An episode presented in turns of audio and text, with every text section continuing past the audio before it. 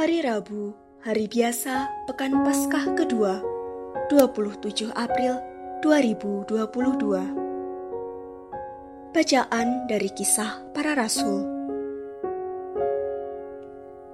Imam besar Yahudi dan pengikut-pengikutnya, yaitu orang-orang dari Masab Saduki di Yerusalem, mulai bertindak terhadap jemaat, sebab mereka sangat iri hati mereka menangkap rasul-rasul, lalu memasukkan mereka ke dalam penjara kota. Tetapi waktu malam, seorang malaikat Tuhan membuka pintu-pintu penjara itu dan membawa mereka keluar. Kata malaikat itu, "Pergilah, berdirilah di dalam bait Allah, dan beritakanlah seluruh firman hidup itu."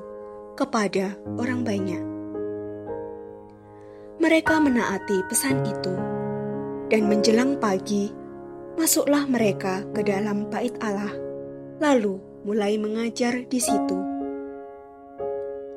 Sementara itu, imam besar dan pengikut-pengikutnya menyuruh mahkamah agama berkumpul, yaitu seluruh majelis tua-tua bangsa Israel dan mereka menyuruh mengambil rasul-rasul itu dari penjara. Tetapi ketika para petugas datang ke penjara, mereka tidak menemukan rasul-rasul itu di situ. Lalu mereka kembali dan memberitahukan, "Kami mendapati penjara terkunci dengan sangat rapinya, dan semua pengawal ada di tempatnya di muka pintu.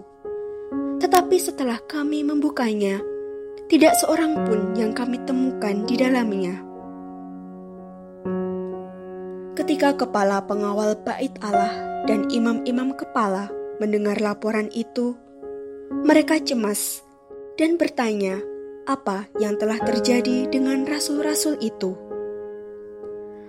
Tetapi datanglah seorang mendapatkan mereka dengan kabar.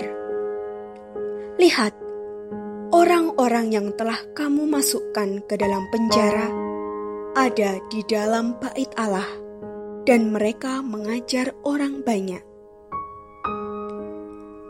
Maka pergilah kepala pengawal serta orang-orangnya ke bait Allah, lalu mengambil kedua rasul itu, tetapi tidak dengan kekerasan, karena mereka takut kalau-kalau orang banyak melempari mereka dengan batu. Demikianlah sabda Tuhan.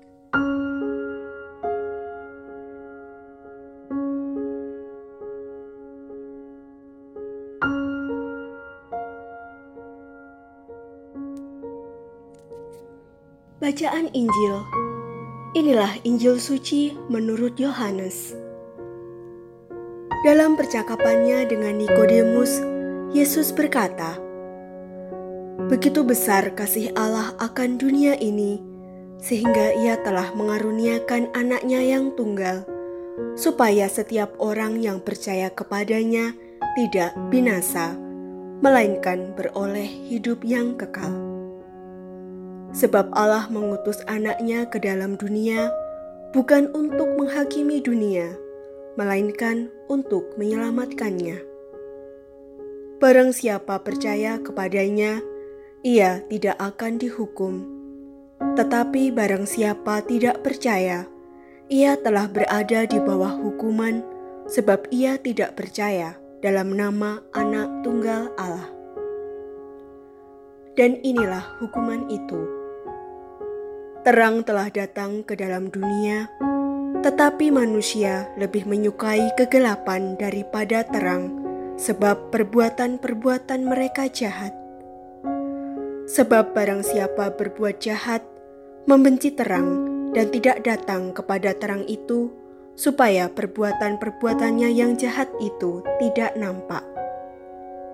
Tetapi barang siapa melakukan yang benar, ia datang kepada terang, supaya menjadi nyata bahwa perbuatan-perbuatannya dilakukan di dalam Allah.